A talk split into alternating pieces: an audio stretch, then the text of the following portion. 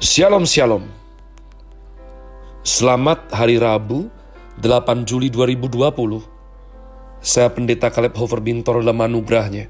Penuh suka kita sampaikan pesan Tuhan melalui program Grace Words yakni suatu program renungan harian yang disusun dengan disiplin kami doakan dengan setia supaya makin dalam kita beroleh pengertian mengenai iman, pengharapan, dan kasih yang terkandung dalam Kristus Yesus. Sungguh merupakan kerinduan saya bagi saudara sekalian agar supaya kasih dan kuasa firman Tuhan setiap hari tiada pernah berhenti menjamah hati, menggarap pola pikir, dan terutama adalah kehidupan kita. Boleh secara real nyata berubah, makin serupa kepada Kristus Yesus. Kita berada dalam season autumn dengan tema Empower. Chris Word hari ini saya berikan judul God's Grace. God's Grace atau anugerah Tuhan. Anugerah Tuhan. Mari kita membuka lembaran kitab baru yakni dua tawarih. Setelah puji syukur kita kemarin selesaikan satu tawarih dengan 29 fatsal, kita sekarang akan membaca menyelesaikan dua tawarih dengan 36 fatsal. Doa Salomo memohon hikmat, Salomo anak Daud menjadi kuat dalam kedudukannya sebagai raja. Tuhan Allahnya menyertai dia dan menjadikan kekuasaannya luar biasa besarnya. Salomo memberi perintah kepada seluruh Israel, kepada kepala-kepala pasukan seribu dan pasukan seratus, kepada para hakim dan kepada semua pemimpin di seluruh Israel, yakni para kepala puak. Lalu pergilah Salomo bersama-sama dengan segenap jemaah itu ke bukit pengorbanan yang di Gibeon. Sebab di situlah kemah pertemuan Allah yang dibuat Musa hamba Tuhan itu, di padang gurun. Tetapi Daud telah mengangkat mengangkut tabut Allah dari Kiryat Yearim ke tempat yang disiapkannya bagi tabut itu, sebab ia telah memasang kemah untuk tabut itu di Yerusalem. Namun mesbah tembaga yang dibuat Bezaleel bin Uri bin Hur masih ada di sana, di depan kemah suci Tuhan. Maka ke sanalah Salomo dan jemaah itu meminta petunjuk Tuhan. Salomo mempersembahkan korban di sana di hadapan Tuhan, di atas mesbah tembaga, yang di depan kemah pertemuan itu. Ia mempersembahkan seribu korban bakaran di atasnya. Pada malam itu juga, Allah menampakkan diri kepada Salomo dan berfirman kepadanya, Mintalah apa yang hendak kuberikan kepadamu. Berkatalah Salomo kepada Allah, Engkaulah yang telah menunjukkan kasih setiamu yang besar kepada Daud ayahku, dan telah mengangkat aku menjadi raja menggantikan dia. Maka sekarang ya Tuhan Allah, tunjukkanlah keteguhan janjimu kepada Daud ayahku, sebab engkaulah yang telah mengangkat aku menjadi raja atas suatu bangsa yang banyaknya seperti debu tanah. Berilah sekarang kepadaku hikmat dan pengertian, supaya aku dapat keluar dan masuk sebagai pemimpin bangsa ini. Sebab siapakah yang dapat menghakimi umatmu yang besar ini? Berfirmanlah Allah kepada Salomo, oleh karena itu yang kau ingini, dan engkau tidak meminta kekayaan, harta benda, kemuliaan, atau nyawa pembencimu, dan juga tidak meminta umur panjang, tetapi sebaliknya engkau meminta kebijaksanaan dan pengertian untuk dapat menghakimi umatku yang atasnya aku telah merajakan engkau. Maka kebijaksanaan dan pengertian itu kuberikan kepadamu, Selain itu aku berikan kepadamu kekayaan, harta benda, dan kemuliaan sebagaimana belum pernah ada pada raja-raja sebelum engkau, dan tidak akan ada pada raja-raja sesudah engkau. Lalu pulanglah Salomo dari bukit pengorbanan yang di Gibeon itu, dari depan kemah pertemuan ke Yerusalem, dan ia memerintah atas Israel. Ayat 14, harta kekayaan Salomo. Salomo mengumpulkan juga kereta-kereta dan orang-orang berkuda sehingga ia mempunyai 1.400 kereta dan 12.000 orang berkuda yang semuanya ditempatkan dalam kota-kota kereta dan dekat raja di Yerusalem. Raja membuat banyaknya emas dan perak di Yerusalem, sama seperti batu, dan banyaknya pohon kayu aras, sama seperti pohon ara yang tumbuh di daerah bukit. Kuda untuk Salomo didatangkan dari Misraim dan dari Kewe, saudagar-saudagar raja membelinya dari Kewe dengan harga pasar. Sebuah kereta yang didatangkan dari Misraim berharga sampai 600 shikal perak. dan seekor kuda sampai 150 sikal. Dan begitu juga melalui mereka dikeluarkan semuanya itu kepada semua raja orang Het dan kepada raja-raja Aram. Umat Tuhan, kalau saudara mempelajari hidup Salomo, kalau memang engkau mencari alasan supaya kita bisa iri dan itu wajar, maka saya rasa Salomo lah orang yang paling diinginkan atau diimpikan orang yang belum cinta Tuhan, yang belum menemukan posisinya di dalam firman dan kehendak Tuhan. Kenapa? Kalau saudara melihat hidup Raja Salomo, maka engkau akan menemukan apa yang katanya nasihat kuno itu katakan bahwa pria itu masalahnya tiga harta, wanita, tahta. Tiga hal ini umat Tuhan membawa banyak konflik dalam hidup seorang pria. Dan Salomo tidak perlu menggerakkan kelingkingnya bahkan memperoleh semuanya.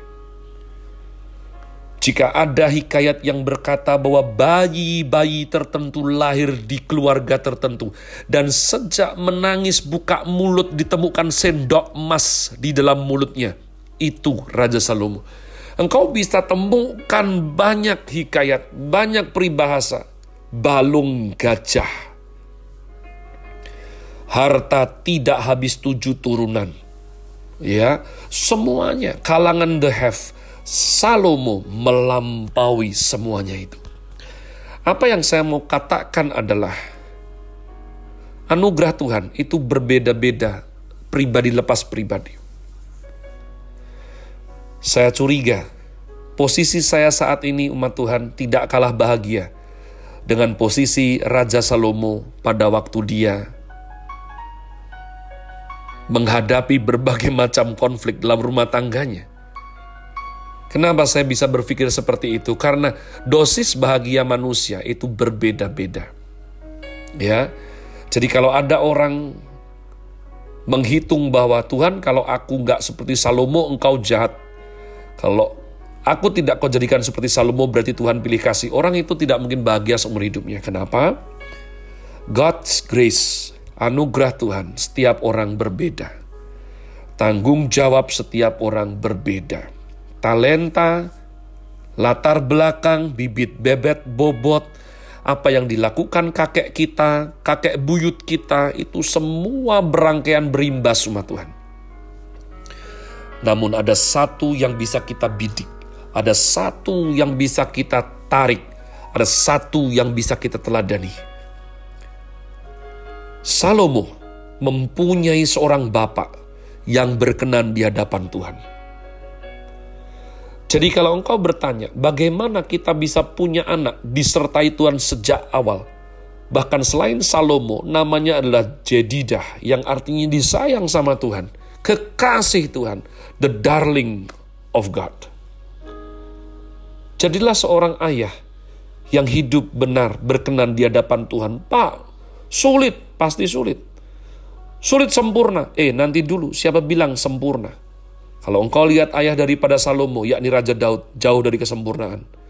Dia bikin salah banyak sekali seumur hidupnya, namun umat Tuhan, toh Tuhan tetap berkenan kepadanya. Kenapa? Pelajari hidup Raja Daud. Dia sayang sama Tuhan. Dia hormat kepada namanya. Dia tidak berlama-lama jika ditegur dan lanjut bertobat. Dia worship, dia menulis mazmur, dia intim dengan Tuhan. Jadilah orang tua seperti Raja Daud, ayah daripada Raja Salomo. Sehingga kita akan mewariskan suatu kehidupan yang penuh berkat bagi putra-putri kita. Nah, saudara lihat, ya, Salomo mengawali karirnya dengan sangat bagus. Nanti akan ada beberapa kejatuhan seperti entah bagaimana istrinya bisa sampai 700, gundiknya 300. Itu nanti kita bahas. Namun saudara lihat, pada waktu Tuhan menampakkan diri setelah dia memberikan persembahan korban bakaran di Gibeon, satu doa membuat Tuhan berkenan kepada Salomo. Lebih lagi, sebelum doa dipanjatkan, Tuhan berkenan belum? Tuhan berkenan. Kira-kira kalau Salomo meminta kekayaan, Tuhan kasih tidak? Pasti kasih. Kalau Salomo meminta daripada kemenangan supaya dia aman dari musuh-musuhnya, Tuhan kasih. Kalau Salomo minta umur panjang, mungkin Tuhan kasih. Tapi Salomo tidak minta itu semua umat Tuhan. Satu doa yang benar, Salomo minta hikmat dan pengertian Tuhan supaya dia bisa memimpin dengan baik. Perhatikan, dan Tuhan sangat memperhitungkan doa tersebut sebagai sesuatu yang berkenan di hatinya. Hidup ini tidak bisa terus menyalahkan kita lahir dari siapa. Tapi kita lahir dari siapa, itu juga turut menentukan. Saya ulangi, hidup ini tidak bisa terus-terusan menyalahkan kita punya orang tua seperti apa. Tapi perhatikan, kita punya orang tua seperti apa, itu turut menentukan. Ya. Namun juga hidup ini adalah apa yang kita hasratkan, apa yang kita panjatkan sebagai doa umat Tuhan. Tuhan berkenan sebab satu doa benar daripada Salomo. Dia minta hikmat pengertian. Mohon tanya, apakah Salomo bodoh? Apakah Salomo bego? Apakah Salomo orang yang tidak berhikmat? Tidak. Justru Salomo berhikmat. Dia berdoa minta hikmat. Orang yang tidak berhikmat tidak akan berdoa minta hikmat umat Tuhan. Jadi inilah kenapa orang bodoh makin bodoh, orang bijak makin berhikmat. Saya berdoa supaya melalui teladan pembacaan daripada hari ini, kita boleh menteladani dua perkara daripada kasih karunia anugerah Tuhan dalam kehidupan seorang Raja Salomo. Mari jadi orang tua yang baik.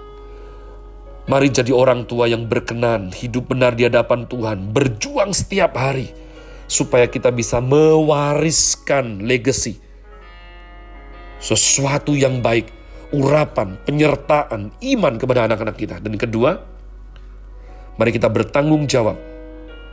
Great power, great responsibility Jangan hidup dalam berpusat pada diri sendiri, tapi berpusatlah doamu, permintaanmu kepada apa yang menjadi tanggung jawabmu.